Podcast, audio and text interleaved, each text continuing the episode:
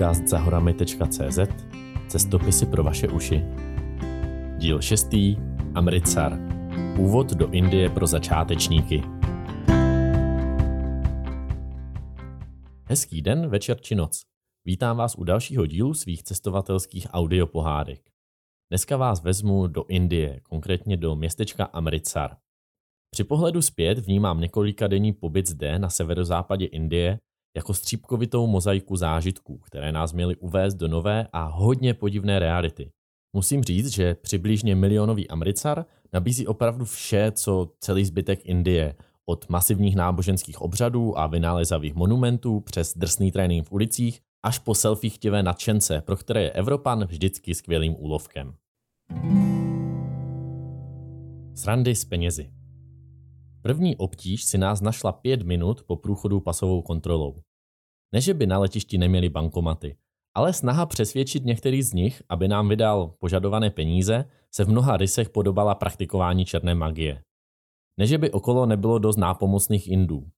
Škoda, že jejich neuznávání osobní zóny a snaha pomoci úplně s čímkoliv, včetně zadání pinu, se u nás, paranoidních Evropanů, nesetkala s valným nadšením. Naštěstí po slabé půlhodince přece jen jeden z peněžních automatů podlehl našim různorodým přesvědčovacím praktikám a vydal krásné dvoutisícové bankovky. Což byla další náramná švanda, protože zaplatit třeba tuktukáři tímhle papírkem je jako zkusit si v české sámošce koupit žvíkačky s 20 tisícovkou. Když jsme se na konci jízdy z letiště do centra vytasili se svými těžce vybojovanými penězi, Rikšák na nás jen chvilku tiše zíral a čekal, kdy se začneme smát vlastnímu nepovedenému žertu a vytáhneme něco normálního. Což se nestalo, pročež s neurčitým zabručením zhrábl bankovku a vytratil se. Uvědomění, že nám neznámý chlápek právě pláchl bůh kam s na místní poměry docela honosnou sumou, nás tížilo jen do chvíle, než nám docvaklo, že stále sedíme v jeho povozu a tím pádem máme solidní rukojmí. Mimochodem, jen tak mezi námi, první jízda tuktukem tedy typickým tříkolovým vozítkem, jemuž se také přezdívá indické Ferrari, to je památná věc. Něco jako když jdete poprvé v životě na rande.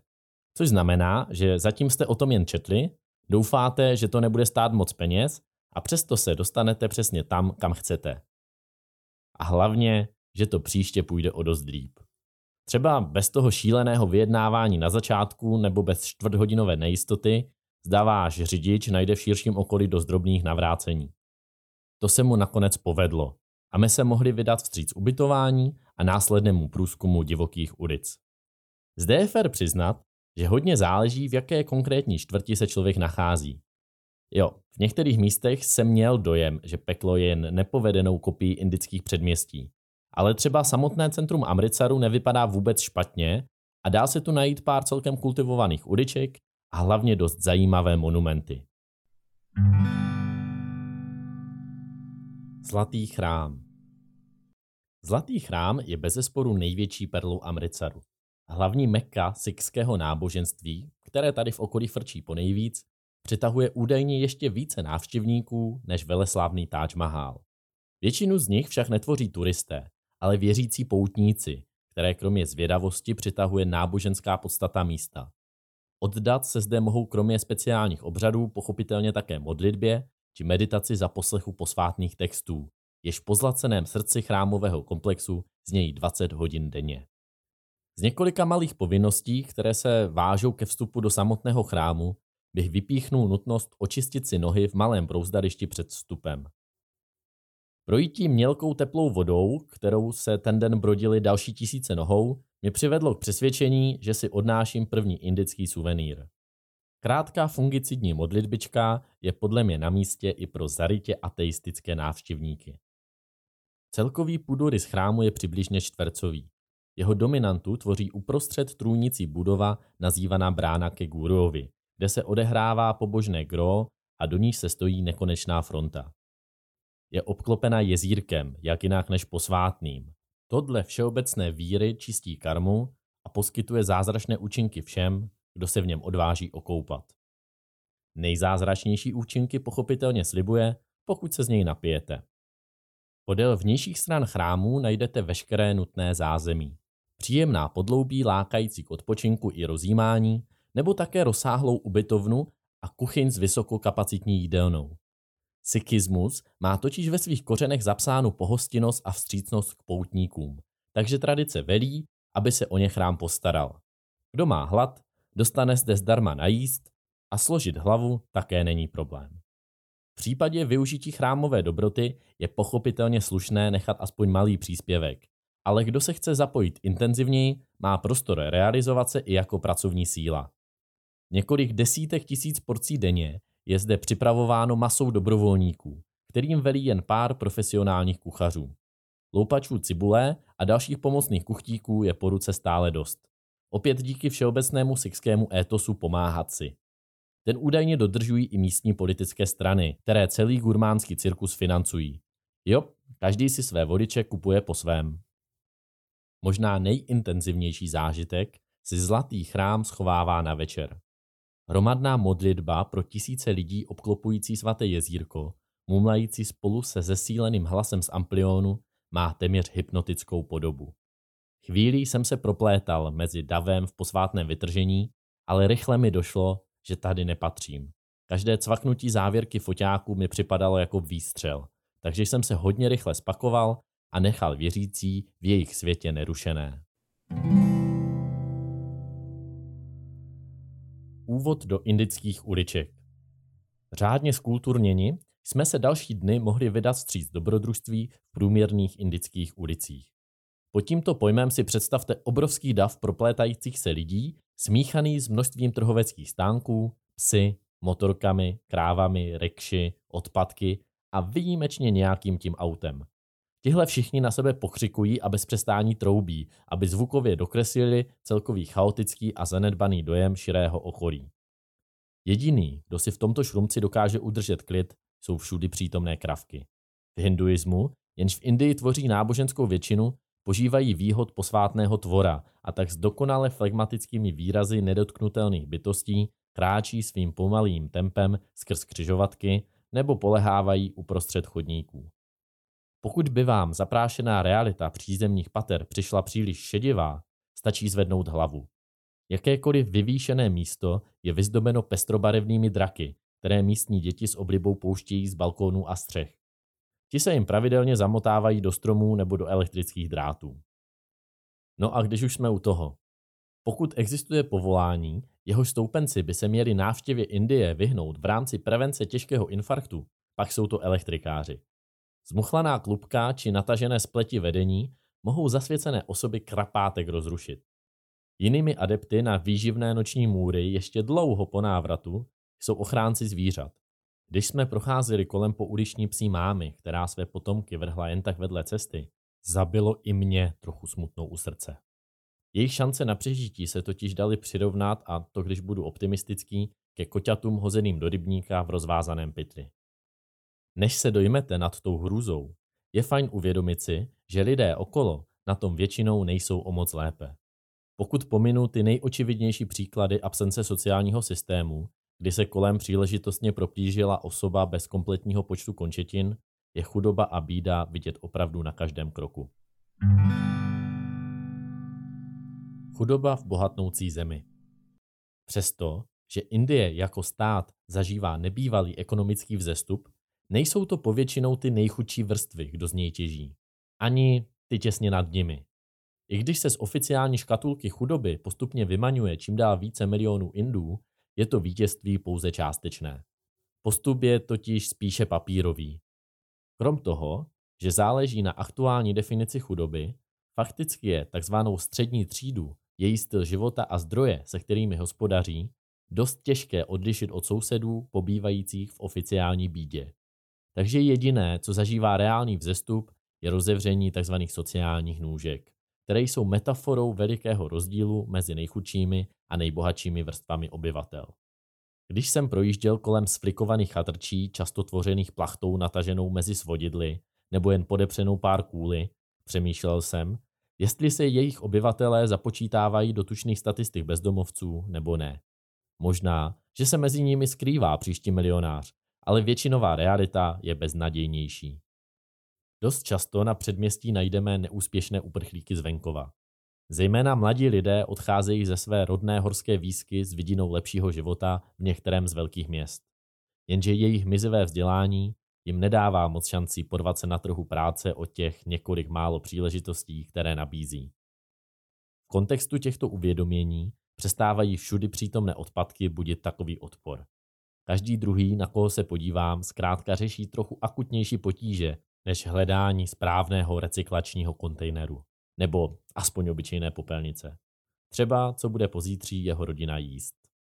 A tak je to při návštěvě v Indii skoro každý den. Chrám, nuzáci před ním, hezký parčík, chatrče, mizérie, pestrá kulturní produkce, chaos, kravál, úsměv, krávy, památka, poutníci, skládka, bída, chudoba.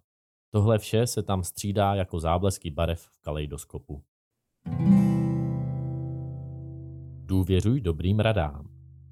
Pokud by vám z takových rychlých přechodů vyschlo v ústech, téměř všude se prodává fantastická šťáva čerstvě vylisovaná z cukrové třtiny, kterou můžete své dojmy spláchnout. Je sladká, osvěžující, avšak pro nepoučeného jedince skrývá specifické riziko. V Amritsaru jsem mimo jiné poprvé litoval své odvahy křížené s hloupostí.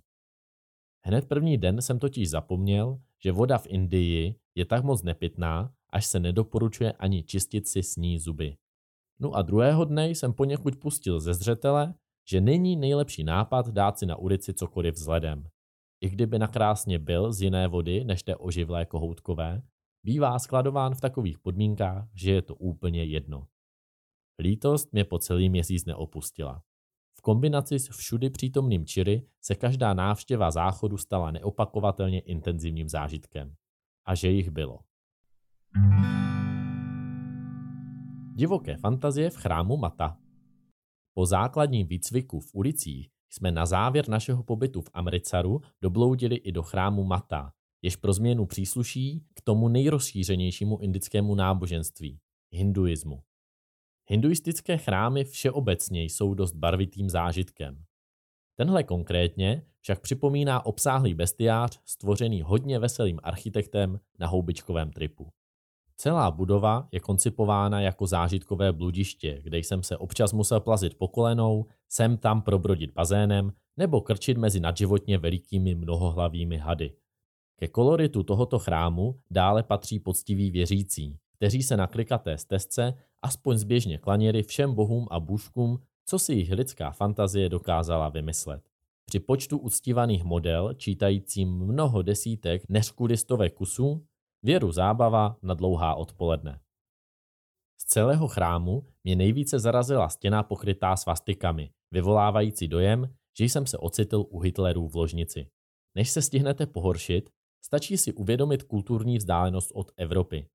Zatímco v našich končinách tvar Hakenkreuzu po jeho převzetí a zneužití v rámci nacistické symboliky neznamená nic hezkého, v Indii představují ramena kříže životadárné sluneční paprsky a slouží za svatý symbol hned několika bohů.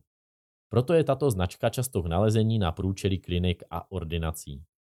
Přičemž lze s dobrou vírou očekávat, že se nejedná o soukromou praxi pana Mengeleho. Fotečku, brácho? Na konci obhlídky bizarního chrámu nás čekala ještě jedna oblíbená lokální kratochvíle. Focení. Indové se tuze rádi fotí.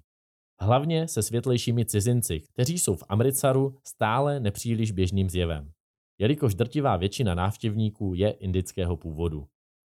Někteří na to jdou z ostra.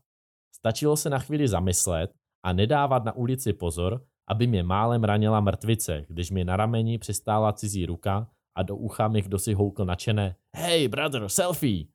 Než jsem se rozkoukal, byl vysmátý brácha na druhé straně cesty a chlubil se svým úlovkem kamarádům. Většina selfie maniaků naštěstí projevovala víc taktů a nejprve se dávali do řeči, než se po pěti, deseti minutách odhodlali k dotazu, zda by se s námi nemohli blejsknout. Pravdou je, že focení své osoby nesnáším moc dobře, neboť mě genová výbava předurčila spíše na druhou stranu záznamových zařízení. Ale tuto radost všem slušným domorodcům nedokážu upřít, jelikož si je sám, tedy s jejich souhlasem pochopitelně dokumentuji a cestovatelskou karmu je potřeba udržovat v rovnováze.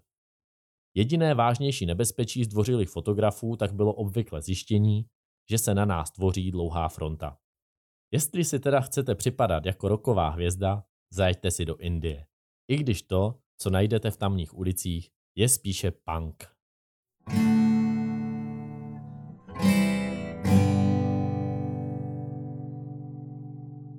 Tak to by byly takové první indické dojmy.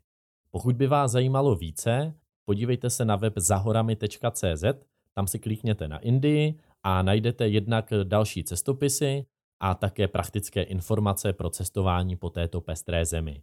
Pravda, v době, kdy tenhle podcast namlouvám, tak se do Indie nikdo nepodívá. Ani někde jinde, protože venku řádí to velké virové šílenství. Ale doufejme, že jednou se svět zase rozběhne, vrátí do normálu a cestování bude opět možné. S tím souvisí i druhý odkaz, který bych zde rád uvedl. Když si zadáte zahorami.cz lomeno vstupenka, tak tam mi můžete přispět pár drobáků na tvorbu těchto podcastů. To je pro dnešek všechno a já vám přeju pevnou vůli, abyste se z toho vysedávání doma nezbláznili.